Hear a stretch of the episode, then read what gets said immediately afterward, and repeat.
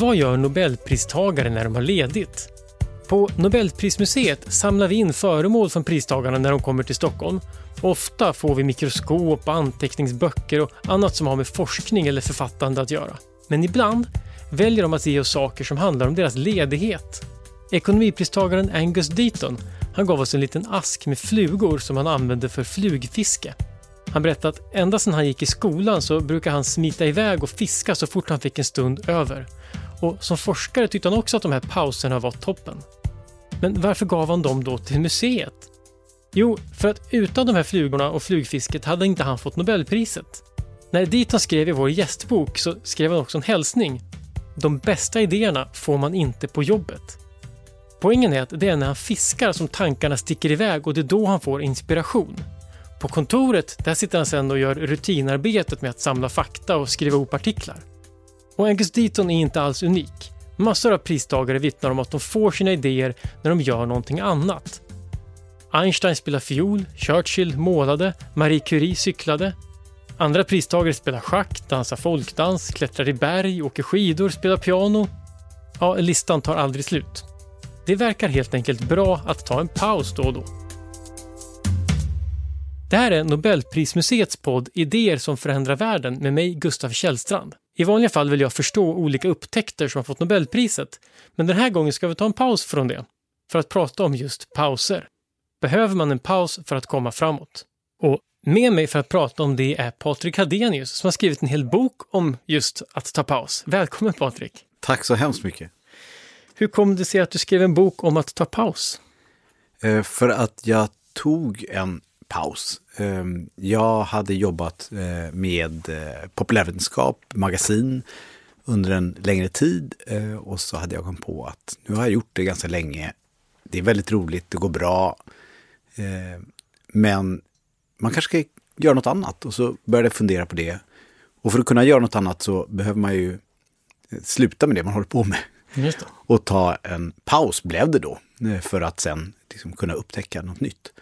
Så jag sa upp mig, slutade och tog en paus. Och då upptäckte jag ganska snart, när jag tog den här pausen, att jag hade en liksom, skev bild av vad pauser är. Jag trodde liksom att pauser var ingenting, ett vakuum, ett, eh, liksom ett eh, hålrum. Och liksom arbete var arbete, eller man gjorde saker och sen tog man paus, då gjorde man ingenting. Och det visade sig att jag istället ju behövde fylla den här tiden med någonting. Alla fyller alltid tiden med någonting. Det är bara det att man gör något annat. När jag upptäckte det, under viss rastlöshet ska jag också tillägga, då eh, kom jag på att det här kanske man kan fylla sin paus med att undersöka noggrannare. Så det blev upprinnelsen till den här boken.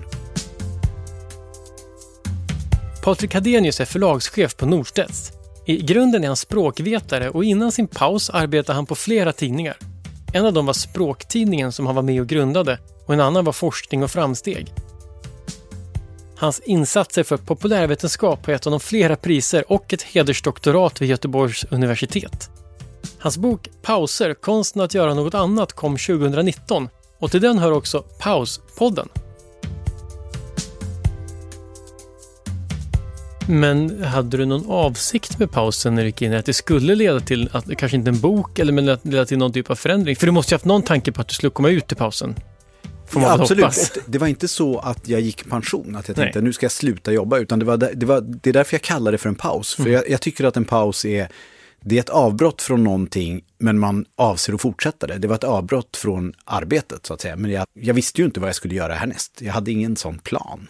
Och jag hade faktiskt egentligen inte heller planen att skriva en bok, utan det var något som, som uppstod. Och det är väl det som de här Nobelpristagarna också uttrycker så tydligt. Det är att de ju inte vet, alltså man vet inte när man står och flugfiskar vad det är man ska komma på. Visste man det, då skulle man kunna ställa kvar på jobbet och, och komma på det, så att säga. Utan hela idén är ju just att man inte tänker målmedvetet. Jag tycker att det är utmärkande för pauser, det är att de inte är målmedvetna om det som man jobbar med. Sen kan det vara mål, alltså Angus, när han flugfiskar är han ju förstås oerhört målmedveten när det gäller att knyta sin, eh, sin fluga och, eh, eller vad heter det att man knyter en fluga? Eller vad gör man? Det gör man med de man har på sig i alla fall. Jag vet inte hur man var med med flyg, Nej, fiskeflugor. Nej, någonting. Han binder en fluga. Binder. Bra. Och det gör han antagligen oerhört målmedvetet. Men det har ju inte med hans forskning att göra. Och det är poängen. Just det, så att för att om man, om man har som om man vet, det verkar för sig lite som att han vet att han kommer få forskningsidéer, men kanske inte vilka. Så på det sättet är ju ändå pausen ett del av arbetet. Om man gör på det sättet, att man liksom inte då säger upp sig, utan men att, man, att han ändå är kvar på jobbet fast han gör på en annan plats. Fast, fast det, jag tycker att det är en liksom grundläggande idé med pausen. Det är att det är ett risktagande. Man vet faktiskt inte. Han åker faktiskt dit i första hand för att flugfiska, för att göra det. Sen vet han också att det här är inte meningslöst. Det här är, inte, liksom, det här är inte dåligt för mig, utan jag kanske till och med kommer på, kommer på idéer. Men de allra flesta gånger han flugfiskar tror jag inte han kommer på idéer. De flesta gånger så får han bara en härlig fisk som han eh, äter upp eller kastar tillbaka. Angus Deaton fick ekonomipriset till Alfred Nobels minne för sin forskning om konsumtion. Han har studerat hur vi väljer och vad vi konsumerar. Och på så sätt har han påverkat forskning och policy inom både mikro och makroekonomi. Hans forskning har också fått stor påverkan på hur man mäter och analyserar fattigdom på ett sätt där man utgår från individuell data istället för medelvärden i stora grupper. Och det här gör att forskningen kommer närmare verkligheten och litar mer på empiri än på modeller. Det jag menar med risk är ju att om du sitter där och sorterar så vet du vad du får gjort och det händer saker. Och, medan om du tar en paus, då riskerar du ju faktiskt att saker inte blir gjorda. Att, att då händer saker när du inte är där. Och risken är ju just det att du kommer tillbaka och, in, och inte har fått någon idé, inte, det har inte hänt någonting, men du ligger efter med arbetet för du tog ju en paus. Det. Och det är den risken tror jag, det är ett av de viktigaste skälen till att vi inte tar pauser, att vi så gärna jobbar över, att vi så, så ofta tänker så här, ja men jag har allt det här att göra och bäst är nog om jag bara betar av det. Medan det i väldigt många fall är bra att någonstans säga till sig själv eller någon annan utifrån säger till en att nej men ta nu en paus. Du kommer faktiskt få mer gjort när du kommer tillbaka från pausen. Om man har tio timmar att arbeta så att säga så är det bättre att några av de timmarna inte arbetar för då får man mer gjort. Eller mer tänkt, eller mer, Ja. ja, du fattar. Ett känt exempel på det också från Nobelsammanhang som du inleder din bok med, det är ju Werner Heisenberg. Kan inte berätta varför, varför du tycker den historien är så fascinerande? Det är så tydligt att det här är en påtvingad paus för honom. Werner Heisenberg, han fick väl Nobelpriset eh, 1932 tror jag, eh, för en upptäckt som har med atomfysik att göra. Och, Han fick 1932 års pris 1933. alltså det är så här att vara med i Nobelpodden, eller hur? Ja, jag- jag tänkte, kan jag låta det passera? För det är ju faktiskt korrekt att man 1932, men det var, han fick det ett år senare för de hade svårt att bestämma sig. Som en del fys fysikpristagare i alla fall så var han ung, för han är född 1901. Eh, och, och han föddes under den här perioden, eller föddes, men framförallt så var han verksam då under den här perioden när det hände så otroligt mycket med liksom, upptäckten av liksom, atomkärnan och sådär. Nils Bohr hade fått Nobel- Nobelpriset, när då? 1921. 21. 22, 22. 22, just det. Men han hade just lanserat liksom hur, en teori om hur atomkärnan ser ut. Och det var en fantastiskt vacker eh, skapelse, men man gjorde experiment som inte stämde med den här skapelsen. Matematiken hängde inte med. Eh, väldigt enkelt uttryckt. Och Heisenberg var en av de som var frustrerad. Väldigt många forskargrupper runt om i världen var frustrerade över detta och de tävlade kan man säga om att försöka komma på ett sätt att räkna så att det här skulle stämma, så att eh, resultaten från experimenten stämde med den här teorin som Niels Bohr hade lanserat. Och eh, Heisenberg var ett geni kan man väl säga, eller i alla fall otroligt, otroligt eh, skarp och begåvad. Och satt dessutom i en grupp på ett universitet där det var andra väldigt begåvade människor. Och han hade också kontakt med Bohr, eh, som hetsade honom kan man säga, från Danmark då. Eh, det hetsades, det tänktes och det var frenetiskt och de kom ingen vart. Och så drabbas Heisenberg av hösnuva. Och han beskriver själv hur han liksom, tankarna gick i sirap, han kunde liksom inte. Och han var så otroligt frustrerad över detta, för att han ville, precis som vi pratade om tidigare, man vill ju bara jobba på. Man vill ju inte ta en paus. Vi är ju på väg mot ett genombrott här och ta risken då att åka ifrån universitetet när det kanske händer, den risken vill ju ingen ta. Man vill ju vara på plats när upptäckten görs, så att säga. Om jag själv bidrar till den eller om vi tillsammans som grupp kommer på den och sådär.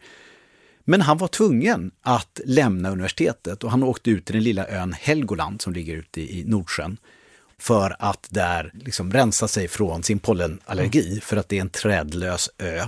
Och han kommer ut dit, ganska frustrerad tror jag i alla fall. Men det han gör där, det är en väldigt liten ö.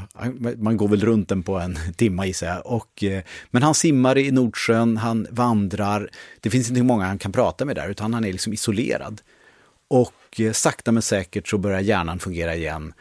Och eh, så beskriver han i sin dagbok hur han en natt sitter uppe och så plötsligt så faller saker på plats. Mm. Och det är ju liksom, det är filmiskt på något sätt. Det kanske till och med av honom själv är lite tillrättalagt i efterhand, det kan man ju inte veta, det är hans egna dagböcker. Men när han väl kommer tillbaka till universitetet, då gör han ju jobbet också tillsammans med sina kollegor och liksom formulerar det som sen ska ge honom Nobelpriset. Men själva upptäckten eller liksom genombrottet, det kom i pausen. Och det tycker jag är så intressant för att om han inte hade fått hösniva och inte tvingats ut i Helgoland, hade han då kommit på det? Kanske, det vet vi inte. Vi har ingen aning. Men det var ändå, han uttrycker själv att han nog inte hade velat åka ut dit och tänka. Just det. Ja, men du nämnde med, Nils Bohr också, och Bohr var ju känd för att han ledde ett institut i Köpenhamn där man just tog pauser väldigt mycket. De spelade pingis och, och gick på westernfilmer var Bohrs favorit och sådär. Låter som moderna IT-företag tycker jag. Ja, men jag tänkte just på det, att, det där, att, att, det är vi tillbaka till det där, för det, det, finns en stor skillnad mellan den pausen, att de har sagt modernt IT-företag eller att i Bohrs bibliotek gå och spela pingis det är lite forcerat att här ska vi gå och göra det här något annat och sen ska vi tillbaka och jobba vidare. Medan eh, ta en risk att åka ut i Helgoland, för det var ju inte, det hade kanske inte Bohr föreslagit att åka iväg Nej, jag tror inte det. Men var det inte så att Bohr själv åkte iväg veckor och åkte skidor och höll, höll på? Alltså han... Jag tror att den här komplementaritetsprincipen tror jag han kom på. Eh, det finns historier om, de är ganska roliga om man läser om Niels Bohr. Det finns ett antal ganska populära biografier när, när han och Heisenberg ska, de tillsammans utvecklar fysiken och Heisenberg ligger i feber och Bohr sitter bredvid och liksom diskuterar och Heisenberg bara gråter och ber om att få bli lämnad i fred. Men till sist, och så, till sist skiljs de åt och då åker Bora åker skidor och Heisenberg eh, får friskna till. Och när de kommer tillbaka så kommer de då på om det är Köpenhamnstolkningen, och så, alltså tolkningen av den moderna fysiken. Så, så de där två verkar ju haft ett... För det är väl det som Heisenberg egentligen är mest känd för, det är väl den här osäkerhetsprincipen, eller hur? Eller komplementär, vad kallar du den för? Komplementaritet, ja, det, är, eh, det är Nils Bohr. Det är Nils Bohr, ja. det är Nils Bohr. Ja, det är Sen tur att jag inte är fysik. Nej, det är jag inte jag heller. Det finns en osäkerhetsrelation. Just det, alltså, den, den, är Heisenberg. Just det. Men, men det Som de pratar om i Star Trek. Det är Exakt. därför man känner till den. Exakt. Mm. Heisenbergs osäkerhetsrelation beskriver ett grundläggande problem inom den moderna fysiken. Att man inte på samma gång kan veta var en partikel befinner sig och vart den är på väg. Vill man veta vad den är så måste man sakta in den och då tappar den rörelsen. Och vill man veta hur den rör sig måste man mäta den över tid och då vet man inte den exakta positionen. Komplementaritet, det är Niels Bohrs sätt att beskriva att fenomen inom fysiken kan beskrivas på två olika sätt. Och ju mer man vet om det ena, desto mindre vet man om det andra. Det kan användas för att beskriva just osäkerhetsrelationen, men också den så kallade våg-partikeldualiteten. Att alla partiklar också kan beskrivas som vågor och vice versa, trots att vågor och partiklar är helt olika saker. Tillsammans bildar osäkerhetsrelationen och komplementariteten grunden för vad som kom att kallas Köpenhamnstolkningen av kvantfysiken. Det var ett försök att sammanfatta vad kvantfysikens beskrivning av verkligheten egentligen betydde. En sak till som jag tycker är intressant med Heisenberg, om vi bara kan mm, stanna mm, kvar här absolut. en stund till. Och som du nämner om, om Bohr också, egentligen om IT-företag när man spelar pingis och som jag sa om min paus också, det är att de är aktiva. Alltså mm. de här pauserna, det händer saker. Alltså när Heisenberg åker ut till Helgoland, han lägger sig inte ner på en säng och mediterar, utan han läser böcker, han simmar, han vandrar som jag sa. Och Niels Bohr åker skidor och gör saker. Alltså pauser är ofta väldigt aktiva, men de är aktiva på ett annat sätt. Jag tror att eh, för en som jobbar intellektuellt och tänker mycket så kanske det, pausen innehåller mycket fysiskt arbete, så att säga. Angus Deaton, han, han, man kan tänka sig att när han gör sina flugor så knyter han dem med fingrarna. Det är väldigt så här, fingerfärdigt arbete. Så att man vill liksom göra någonting som är annorlunda och det gör pausen viktigare. Och man kan tänka sig att man har ett hårt fysiskt arbete, då ska pausen snarare vara att man läser en bok, att man, liksom, då vill man sitta ner och vila musklerna och jobba med hjärnan istället. Mm. Då är pausen det. Så det tycker jag är intressant, men det är alltid en aktivitet. Det är inte att inte göra något. Nej, jag tänker på Churchill, som han blir känd för att han målade, men han, innan han målade och tror jag efter också, så murade han ju eh, så, ute på sin gård, den här Chartwell. Och skälet eh. till att Churchill målade, åtminstone enligt eh, berättelsen, är ju för att det, han kom till något ställe och var oerhört rastlös för mm. att han liksom inte kunde sitta still och inte kunde pausa i betydelsen göra ingenting. Då sa någon, men måla då. Och så mm. satte han igång måla. Ja, han hade väl en liknande situation som du, fast utan, det var inte lika frivilligt och istället för att ta lämna en lyckad tidning så lämnade han ett misslyckat första världskrig. Han tog ju paus, för, eller blev tvingad att ta en paus efter en katastrofal insats som marinminister i första världskriget. Ja, påtvingade pauser är ju en särskild kategori. Ja, han, tog ju också, han passade också på när han var påtvingad att åka och vara soldat i första världskriget. Så han hade olika sätt att hantera men, men då tog han också med sig flit, vilket är helt... Eh, och, och, målade ett par tavlor. Men jag tänkte, men, men apropå det, det här med aktiv paus, för att för det innebär att ja, det är bra att göra någonting, det är väldigt många man byter aktivitet och sådär. Men är aktiv paus också det här att det krävs en viss förmåga att ta paus, att det inte är helt enkelt att ta en paus. För det blir lätt hänt att man, ja du ser, man gör alltid någonting, men det kan bli tidsfördriv eller det blir liksom Alltså, finns det kvalitativt skillnad på pauser? Om du förstår vad jag menar? Ja, det finns det säkert, eller helt säkert. Precis som det finns bra och dåligt arbete så finns det bra och mm. dåliga pauser. Och pauser som är störande avbrott. Och, och, alltså många tillfällen tror jag vi alla kan vittna om när vi har blivit avbrutna och tvingats ta paus och det inte hände något bra alls i den här pausen. Och sen mm. kom vi tillbaka och kunde fortsätta arbeta. Och, och, och det, det, blev inte roligare och mer gjort eller någonting. Så att det finns absolut dåliga pauser. Mm. De kan ju vara spännande att beskriva men eftersom jag mest är positiv och eh, framåtriktande så tänker jag att för mig är de positiva pauserna ännu intressantare. Mm. Och, eh, och man kallar dem ibland för tidsfördriv. Jag tycker att det är lite nedvärderande för att, att dagdrömma, att liksom göra någonting eh, annat, att, att sitta på ett tåg eh, och åka någonstans och titta ut genom fönstret. Det är ju inte så att man inte gör något. Alltså ögonen registrerar ändå vad man ser utanför och det finns hjärnforskning som visar att hjärnan är ungefär lika aktiv när man dagdrömmer som när man försöker lösa problem. Alltså hjärnan har bara andra delar av sig aktiverade när man inte löser problem. Hjärnan har kan man säga två olika sätt att fungera på. Det ena är när man försöker lösa problem och lösa problem det är liksom det är att göra någonting intellektuellt, alltså läsa eller prata eller diskutera eller, eller vad man nu gör, arbetar så att säga. Men sen har den också den andra funktionen som är mer eh, liksom inte lika målinriktad. Men då ser man att hjärnan är nästan lika aktiv, fast bara på andra ställen. Och det verkar till och med vara så att, den där, att de där olika sorternas aktivitet behöver varandra. Att det kanske också är därför vi sover och drömmer, för att det är också ett sätt för hjärnan att vara aktiv fast på ett annat sätt och till exempel skapa minnen eller befästa minnen, att rensa bort skräp och sådär. Så att det är en aktivitet. Det är bara det att det inte är aktiviteten att vara vaken. Och när man vaknar upp ur sin dagdröm eller sin sömn så är hjärnan förberedd för att eh, vara aktiv på det här målinriktade sättet. Och båda behövs och båda är mm. aktiva fast på olika sätt. Inom svensk politik så var det så kallade friåret något som diskuterades och faktiskt infördes en kort tid. Tanken var att man skulle kunna ta ledigt från jobbet för att pröva på något annat och på så sätt utvecklas. Många tyckte att det här lät märkligt och det var aldrig en särskilt populär reform hos väljarna. Men faktum är att inom den akademiska världen så är sabbatsåren vanligt här. På amerikanska universitet är det till och med rutin att professorer har återkommande sabbatsår eller i alla fall terminer. Och då lämnar de sina vardagliga sysslor och arbetsplatser för att koncentrera sig på forskning i en ny miljö. En klassisk paus är ju att läsa en bok. Och det är också roliga värderingar man har. Att läsa en bok uppfattar de flesta av oss som något positivt. Och det tycker jag som jobbar på bokförlag, verkligen, mm. att det är. Och det är ju bra och vi kan också se att nu under pandemin så har vi läst fler böcker än någonsin. Alltså eh, förra året så ökade bokförsäljningen med 20 procent. Det är ju helt makalöst. Och vi tittar ju förstås säkert också mer på tv och lyssnar mer på radio och poddar och allt möjligt sånt där. Den här podden kanske har fått fler lyssnare under pandemin. Eh, ja, det fanns ju inte innan pandemin. Så nej, det var liksom bra. oändlig ökning. Ja.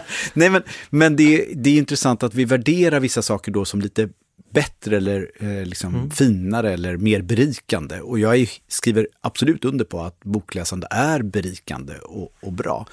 Och det är ju kanske bara så att vi ska liksom förstå det, att, att eh, det är många saker vi kan göra på pauser som är berikande. Kan man säga så om pausen då, att det är den tid där jag själv får bestämma vad som är berikande? På arbetstiden måste ju vara någon annan, då ska det ju räknas på.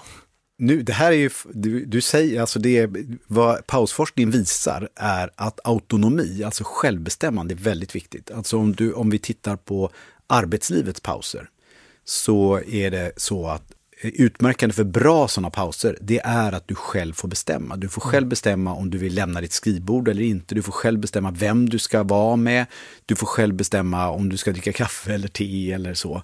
Vilket gör att sådana här företeelser som tvångsfika och sådär kanske är mindre lyckade. Utan det är liksom verkligen självbestämmandet är, är oerhört viktigt. Sen har man också sett faktiskt att fysiskt lämna eh, sin normala arbetsplats för många verkar vara väldigt positivt också. Att det är bra att gå ut eller gå iväg och sådär. Man får gärna vara med sina arbetskamrater och allt möjligt, men det ska vara de man själv har valt. Tvångsfika, det är intressant. Det är vi tillbaka på det här lite techföretag eller Nils Bohrs institut att om det är en sak, om det är obligatoriskt med pingis i fikarummet, då är det inte så kul. Om det inte är obligatoriskt kan det vara roligt. Eller om det finns ett känt laboratorium i England, i Cambridge, som har fått, de får, i snitt tror jag de har fått Nobelpris var tredje år. MLB heter väl Molecular Biology Lab, MBL måste det vara. Och där är de kända för just den här fikarasten. Och den är inte, som jag förstår, obligatorisk, men däremot så vet alla att det är där man får sina idéer. Och där sitter då liksom Nobelpristagare och skär upp kladdkaka till de andra. Och man vet att, och där ska man prata gärna forskning, blir det något annat så går det bra också, men man vill gå dit för att det är både trevligt och givande och att man, där har de liksom institutionaliserat den här förståelsen för att det inte är vid labbänken man får sitt, sina bästa idéer. Det är ju fantastiskt. Det finns ju många sådana exempel där man har skapat avbrott i arbetet. Det kan ju vara fikan, så det kan ju också vara att man skapat eh, rum dit man gärna vill gå och där det kanske är extra långt att gå till eller sådär. Och det är ofta mer positivt än det här tvånget. Sen kan man ibland behöva tvång för att det är helt enkelt så att eftersom det är ett riskbeteende att pausa och eftersom det också är så att det kan vara skamfyllt att pausa, det vill säga om det är många på en arbetsplats som har väldigt mycket att göra att då gå iväg och pausa är ju osolidariskt. Det är, liksom in, det är inte okej, okay, det är inte schysst. Då kan det vara bra om man kan skylla på att det finns en regel. Alltså, ja, men vi måste faktiskt gå och fika. Mm. Det, det, står i, liksom, i vår instruktion. Då har man liksom ett, en ursäkt för att fika. Så det kan faktiskt göra att även tvångsfikat kan vara motiverat. Men det är ju förstås ännu bättre om man har en sån tillåtande miljö så alla förstår att det är bra att fika och att det då är frivilligt så att man kan komma dit. För man är nog mer motiverad att fika och ta till sig fikat. Eh, mm på det sättet. Det är väl som långfärdsbussar där chauffören faktiskt måste ha paus och gå på toaletten och att kortsiktigt kan man tycka att det vore skönare om man inte gjorde det för hela bussen är full med folk som bara vill fram. Men på lång sikt så är det rätt skönt att, både för honom men även för passagerarna att, att han inte mår dåligt han, när han sitter och kör. Absolut. Och då är vi inne på en mer fysikalisk återhämtning. Vi har ju pratat väldigt mycket om kreativa pauser mm. och, och, pauser för att man ska komma på idéer och sådär. Men pauser har ju också en återhämtande effekt som är förstås oerhört viktig för muskler och, och, och kroppen överhuvudtaget. Och även för hjärnan för den delen, att återhämta sig. Ja, jag menar, det, det, sömn är väl en sån såklart. Sömn är, sömn det ska man inte glömma att det är en paus. Mm. Men det kan man, jag vet att jag kan ibland när man är stressad och mycket att göra, att man kan känna att man går och lägger sig och tänker att ja, nu ska jag liksom, det här är en sak till på att göra-listan. Men de här timmarna ska jag nu sova och sen så ska jag göra det och sen, så att man glömmer bort att det faktiskt är en paus och så, utan det blir liksom en del av det känns väldigt deppigt, det får man försöka liksom tänka på ett annat sätt. Då, då märker man att man har för mycket att göra. Mm. Så är det, verkligen. Ehm, men du skriver lite om sömn i boken, om det här med att vi lever ganska mycket i ett samhälle som kanske inte sover så mycket och sätter en heder i det. Och att, jag tänker bryr sig om, om, om, platser också, att, vi liksom, att man får inte hjälp av omgivningen att varva ner på kvällen. Ja, 24-timmarssamhället Mm. eh, och den teknik som vi har idag gör ju att sömn och överhuvudtaget pausande är mycket mer upp till individen. Vi kan ju sova lite när vi vill och eh, eh, jobba lite när vi vill och lite var vi vill och sådär. Så det har blivit en mycket större frihet på grund av att eh, en del jobb ser ut så. En del jobb är ju fortfarande oerhört styrda över att du behöver vara på plats och sådär. Men en del jobb är mycket friare. Och vår fritid är också mycket friare i den betydelsen att det, det vi har, ja, det började med elektriskt ljus och allt möjligt. Vi kunde läsa på kvällarna och alltså vi kunde, ja, vi kunde själva kontrollera dygnet på något sätt. Och den här friheten klarar vi ju mer eller mindre bra att hantera. Och sömn är en sån här sak som vi har ganska lätt att eh, eh nagga i kanterna. Det är lätt att vara vaken en halvtimme till för att då tycker man ju att man får mer gjort då den halvtimman. Och, och så ställer man klockan och går upp en halvtimme tidigare för då hinner man ju kanske ut och ta en promenad innan man ska sätta sig i första Teamsmötet och sådär. Och alltså man får ju titta själv på vad det är man, hur mycket sömn man behöver och sådär. Men det finns väl ändå en del studier som visar att vi underskattar vårt behov av sömn. För det är en sån här dragspel som är så lätt att ta till. Ja, det är en så stor del av, av dygnet som man bör sova om man ska sova 68 timmar. Och då, är det- det är återigen det här riskbeteendet, det är ju samma som när man är på en rolig fest, hur kul är det att gå hem och lägga sig och sova? Eh, alltså, tänk om det riktigt roliga på den där festen händer när man har gått därifrån. Nej, det vill man ju inte missa. Nej, Och det är också att man vet att en, de här tidsuppfattningarna, man vet att vissa saker man ska göra, då kan liksom 12 minuter vara långt. I jämförelse med åtta timmar är ju liksom, det är så otroligt mycket tid. Eller ja, det får, det är sju och en halv som man ska ha, Ja. något sånt där. och det, då ska man komma ihåg med sömn att det är väldigt individuellt. Nu är ju alla pauser individuella, men sömn är det också då. Så det är ju också det, man kan inte liksom säga att alla ska sova åtta timmar, det, det funkar inte. Några behöver sova mer, tonåringar till exempel, eh, några klarar sig på betydligt mindre. Mm. Finns ju ett Nobelpris om det också. Ja. Alltså Dygns, dygnsrytmpriset. Just det, cirka, Cirkadisk rytm. Just det. Och det som det där Nobelpriset handlade om var väl framförallt att man såg att i varenda cell finns det en klocka. Och att det som styr det där är flera olika saker. Så att det finns liksom inte en, en sak som styr vår dygnsrytm, utan det är solljus, men det är också kemiska processer och det är allt möjligt som avgör eh, och som hela tiden trimmar in den här klockan. Men cellen i sig har också en inre klocka, så att om man isolerar liksom celler så kan man faktiskt eh, visa att de kommer ihåg när de ska vakna och när de ska sova. Ja, precis, ljus hjälper till, men, men det är inte helt avgörande på Nej. det sättet. Det, det kalibrerar klockan kan man säga. Så att den, ställer, den, den, kan gå lite, den kan gå lite fel. Den kan tro att eh, dygnet har 25 timmar eller 23 timmar, men då sol, solen och ljuset eh, rättar den. Ja, det intressanta med det, det här var ju de som fick Nobelpriset upptäckte det här och hur det funkar på genetisk nivå, på den nivån. Men, men att eh, själva upptäckten om den här dygnsrytmen gjordes redan på 1700-talet när man studerade blommor och satte i mörka rum och såg att de ändå öppnade sig och, och bladen när det, när det var dags för att vara dag. Så att även växterna har det här. Så allt levande på jorden har den här 24 timmars dygnet. Och vad jag har förstått så sover allt levande. Alltså, i- alltså det är väldigt svårt att hitta organismer som inte har en rytm där de är vakna och när de sover. Maneter, eh, alla möjliga saker verkar ha en, en fas som är sovande och en fas som är... Alla utom superentreprenörer och stora statsmän som sover fyra timmar. Margaret Thatcher och sådana där. Jag antar att Putin såg säkert sover tre timmar om natten. Eller någonting. Det finns en status i att sova lite. Det gör det och den är ju missriktad skulle jag säga. Ja, och där är ju faktiskt, om man nu får ta upp honom igen, men Churchill var ju en person som inte ägnade sig åt eh, att missunna sig saker för att få status. Han gillade ju att göra allt möjligt i övermåtta, men han sov ju gärna och, och inte minst ett spännande sovmönster därför att han gick och la sig väldigt, väldigt sent. Sov då långt in på förmiddagen och sen så sov han ju också middag någon gång på eftermiddagen så att han skulle orka den långa kvällen. Så han sov liksom, hur många pass blir det? Ja, det är väl två längre pass på dagen. Men mådde ju uppenbarligen väldigt bra. Hans omgivning mådde ju eh, inte lika bra av det där. För det var dels de här otroligt oregelbundna tiderna och all alkohol. Och ha liksom ministermöten vid midnatt efter en brakmiddag. Det, det, det, verkar inte vara något att... Eh, nej, ens pauser måste ju anpassas till omvärlden. Men du nämner att sova middag och det tycker jag är en, Mm. också en intressant paus som, eh, som är lite underskattad.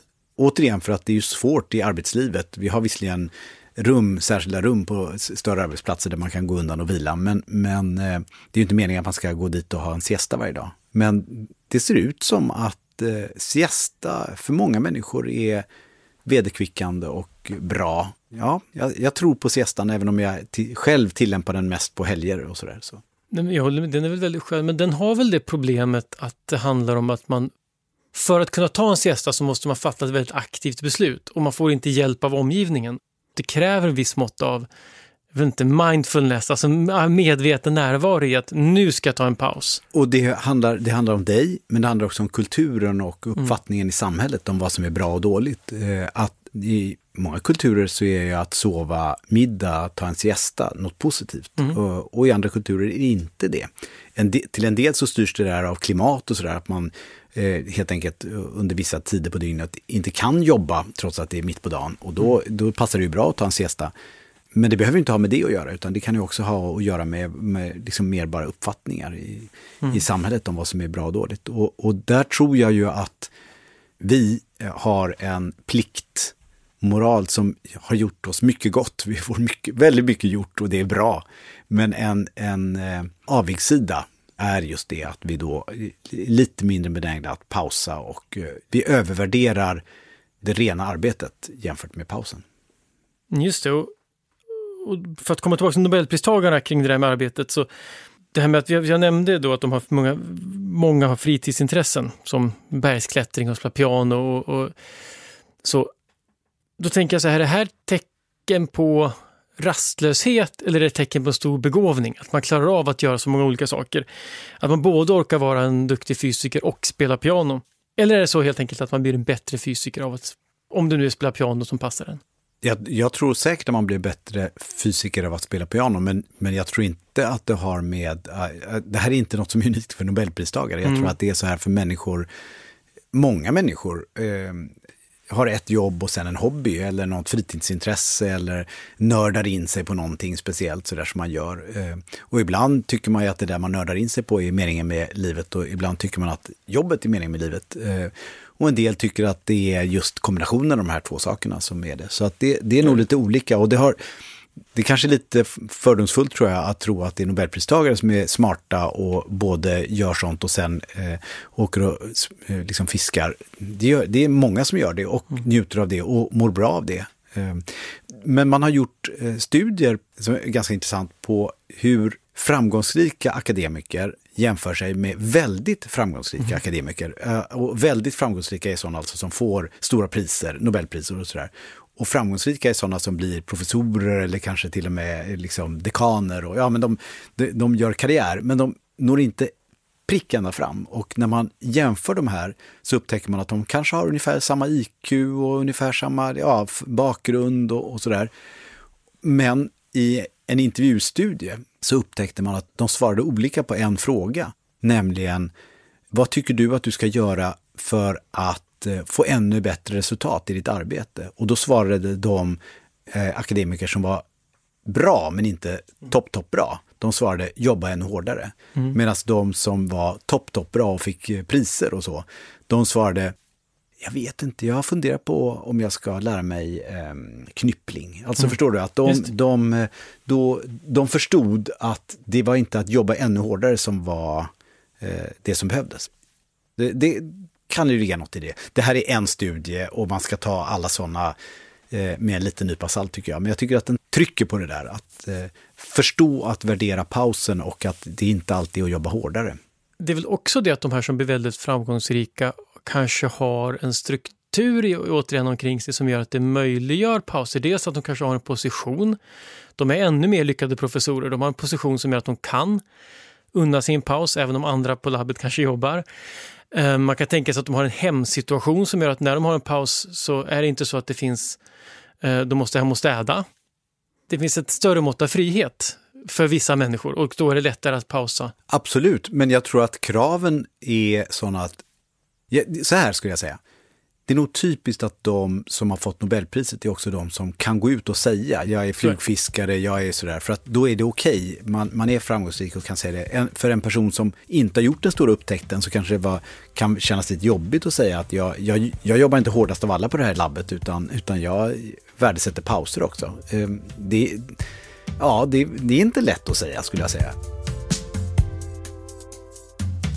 Att vara en framgångsrik forskare handlar inte bara om att vara skicklig i labbet utan också om att vara ledare för en forskargrupp. Det är inte professorerna som utför experimenten utan det är ofta yngre forskare. Frances Arnold, kemipristagare 2018, ledde sitt labb med fast hand och var därför nervös när hon och familjen tog ett sabbatsår och reste jorden runt. Men hennes oro visade sig obefogad. När hon återvände till labbet visade det sig att frånvaron hade fått de som var kvar att ta mer initiativ och mer ansvar, så att arbetet flöt ännu bättre efter den här pausen än innan. Jag gjorde en... Jag, vi lämnar nu eh, Nobelprisens värld och mm. går in i idrottens värld. Och då tittade jag på pauser i matcher, alltså mm. man spelar handboll eller fotboll eller sådär, så finns det ofta en paus och vad händer i den här pausen? Den är ju liksom också reglerad. Och, och, det, och ja, det är verkligen superspännande. Och där är det ju ofta så att det är, eller ofta, men det är ibland så att det kommer en vändning i den här pausen. Och då kan man ju antingen titta på det vinnande laget och se vad, vad hände i det där omklädningsrummet och när tränaren sa de förlösande orden. Eller, mm. Det behöver inte vara en tränare, det kan ju vara någon medspelare eller det kanske bara var återhämtningen som behövdes, att man bara andades ut eller vad det nu var som hände. Det kan man ju titta på. Men det är ju lika intressant att fråga sig, vad hände i pausen för dem som sen gick ut på plan och inte lyckades längre. Som kanske hade lätt under den första halvleken och sen plötsligt tappade två mål och, och sen, ja, så var det inget bra längre. Det där är ju inne på också någonting intressant, det här med pausen, nästan vad en paus är för någonting.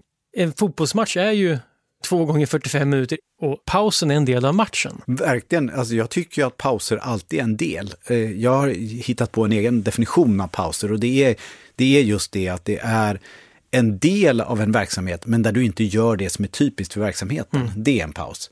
Men är, för mig är det viktigt att en del av verksamheten, för att då betonar man just det att den påverkar ju.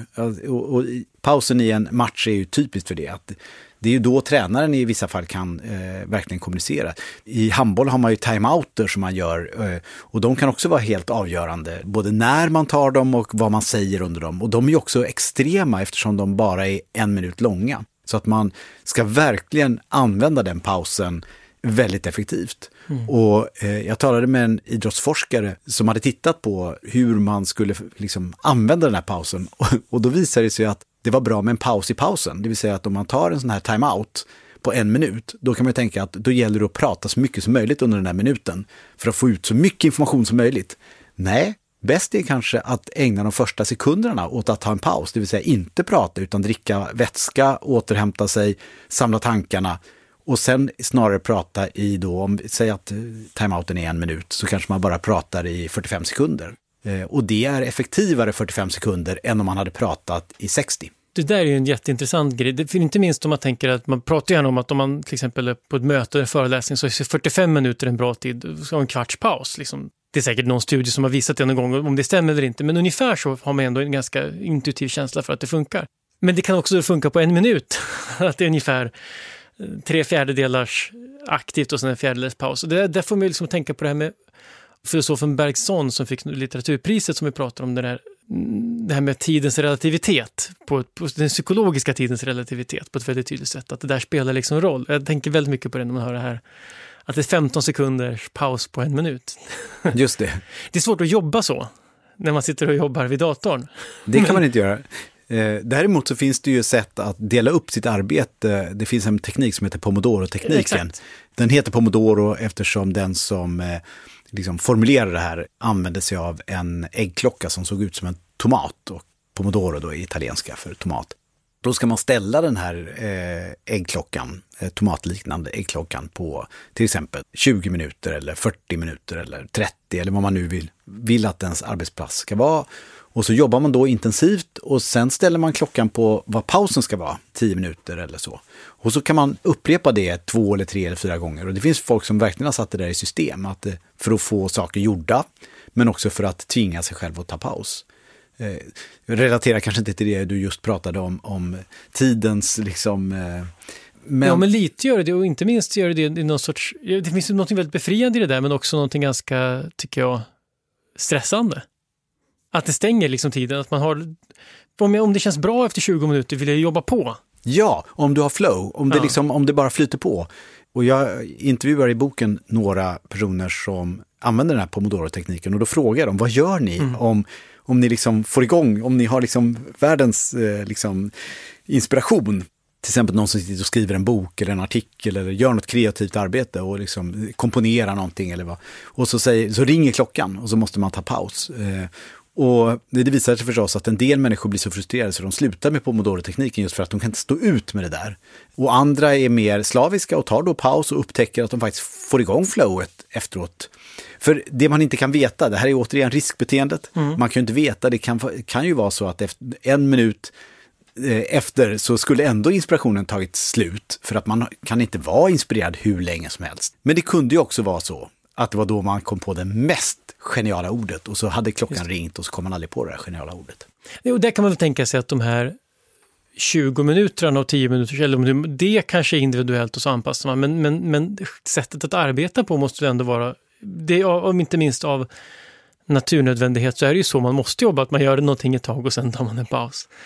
Eh, för det är väl en sak med pauser, att de är ju faktiskt oundvikliga vi pratar nu om det som att, det, eller jag pratar mycket om att de, är, inte annat, om att de ska vara aktiva, om att liksom disciplin, men de kommer ju.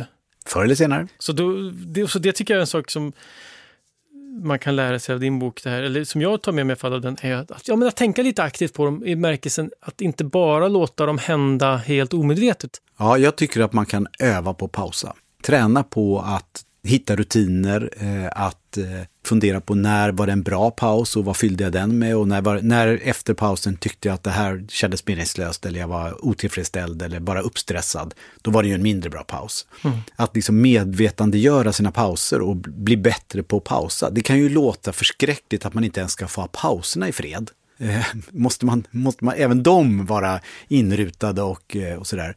Men jag tror faktiskt man mår lite bättre. Det är, det är samma sak som att tänka på hur man ska sova och möblera sitt rum så att det liksom är bra för sömn och att man kan dra för gardinerna så det inte är ljust. Det är ju ingen som säger att det är, åh, kan inte få sömnen bara få vara? Det är väl bara bra att man ordnar för sin sömn. Och jag tycker att kanske det ultimata beviset för det du säger, att, att man måste aktivt ta pauser, det är ju att även sömn är ju någonting som vi aktivt tar. Små barn lär ju sig sova om man har egna barn så vet man att man har ägnat ganska mycket tid åt att få dem att hitta sömnrutiner. Det är, inte, mm. Det är klart att vi har dem i oss biologiskt, men vi behöver också hjälp att komma till ro och också sen att vakna, att bli väckta och, och liksom bli aktiva igen. Det där är ett socialt beteende som vi behöver öva på Just. och det gäller alla pauser. Att vi kan öva på dem och bli bättre på dem. Jag tänkte en sista fråga. Du skrev den här boken innan coronapandemin. För vissa är det absolut långt ifrån en paus förstås. Och, och verkligen ett, för vissa är det ett avbrott och för andra är det en hekt, mer hektisk tid än någonsin. Men för många har det ändå varit, och för samhället som stort har det varit en paus i bemärkelsen att vi gör något annat än vad vi brukar göra i alla fall. Hur har du liksom reflekterat över det? En sak som jag tänkte precis i början var hur dåligt tränade vi var på det, eh, det här avbrottet, eh, illa förberedda och sådär. Och det är ju inte konstigt och det kanske till och med är skönt att vi inte var det, att vi inte trodde att så här illa skulle det gå. Men visst är det i någon mening en paus för samhället. Men precis som du säger, för väldigt många människor så har den inneburit mycket mer aktivitet eller en annan sorts aktivitet och, och en hel del människor har fått jobba mycket hårdare. Den har också inneburit en uppbrutning, eh, särskilt för de som nu inte åker till sina arbetsplatser utan jobbar hemma så har det inneburit en ännu större tryck på det här att själv bestämma över när man arbetar och när man tar paus. För när man är på en arbetsplats tillsammans med andra personer så kan det ju antingen vara reglerad arbetstid och så tar man vissa pauser eller så är det åtminstone ett kamrattryck, ett kollegialt tryck som gör att man går och äter lunch eller att man går hem när arbetsdagen tar slut och sådär. Men nu plötsligt när man sitter hemma, för de som jobbar hemma under pandemin, så uppstår ju inte det. Dels så vinner man kanske lite tid på grund av att man inte pendlar. Så då kan man jobba lite mer där på morgonen redan. Och sen kan det ju hända ganska lätt att på lunchen, när man kanske borde gått ut eller gjort någonting, så är det första gången som det inte är ett eh, Teamsmöte eller Zoom-möte eller vad man nu har för teknik för att ha möten.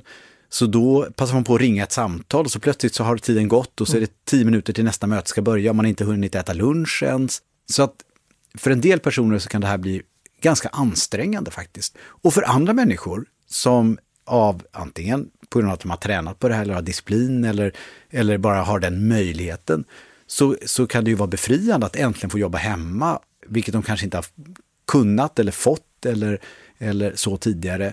Och så nu med, när man har tvingats hem så har tekniken utvecklats och man har liksom, kan jobba hemma och det är socialt acceptabelt att jobba hemma. Och de kanske har ett sånt jobb eller en sån disciplin eller någonting som gör att de då kan ta en promenad på lunchen, att de inte pendlar, att de ser väldigt positiva saker. Så att det där tycker jag att vi har lärt oss i pandemin, både det negativa och det positiva. Och vi inser att vi måste öva på det här. Vi måste bli bättre själva på att bestämma över vår tid. Ja, det är väl en bra lärdom att ta med sig. Och som sagt, om man tycker att det verkar kul att ta en paus eller om man vill lära sig mer så din bok rekommenderar verkligen. Den, dels väldigt läsvärd, men också för att jag tycker att man reflekterar väldigt mycket över sitt eget pausande eller brist på pausande eller vad man... Vissa saker gör mig bra och andra mindre bra i sitt pausande. Tack, tack vad snäll ja, så det, det, var en, det, det, har varit en väldigt kul eh, läsning och jag, stort tack för att du kom hit Patrik. Stort tack för att jag fick komma. Idéer som förändrar världen är slut för den här gången. Den här podden görs av Nobelprismuseet. Vi finns på Stortorget i Gamla stan. Information om museets utställningar och öppettider finns på museets hemsida nobelprismuseum.se. Du kan förstås också följa oss på Facebook och Instagram. Och vill du veta mer om Nobelpristagarna och deras arbete så gå gärna till Nobelprisets hemsida nobelprice.org. Och ett stort tack till Nibe Group, EF Education First, Knut och Alice Wallenbergs stiftelse och familjen Erling Perssons stiftelse som möjliggör Nobelprismuseets verksamhet. Idéer som förändrar världen görs i samarbete med produktionsbolaget Filt, producent är Andreas Wiklund och jag heter Gustav Källstrand. Vi är snart tillbaka med nya intressanta samtal.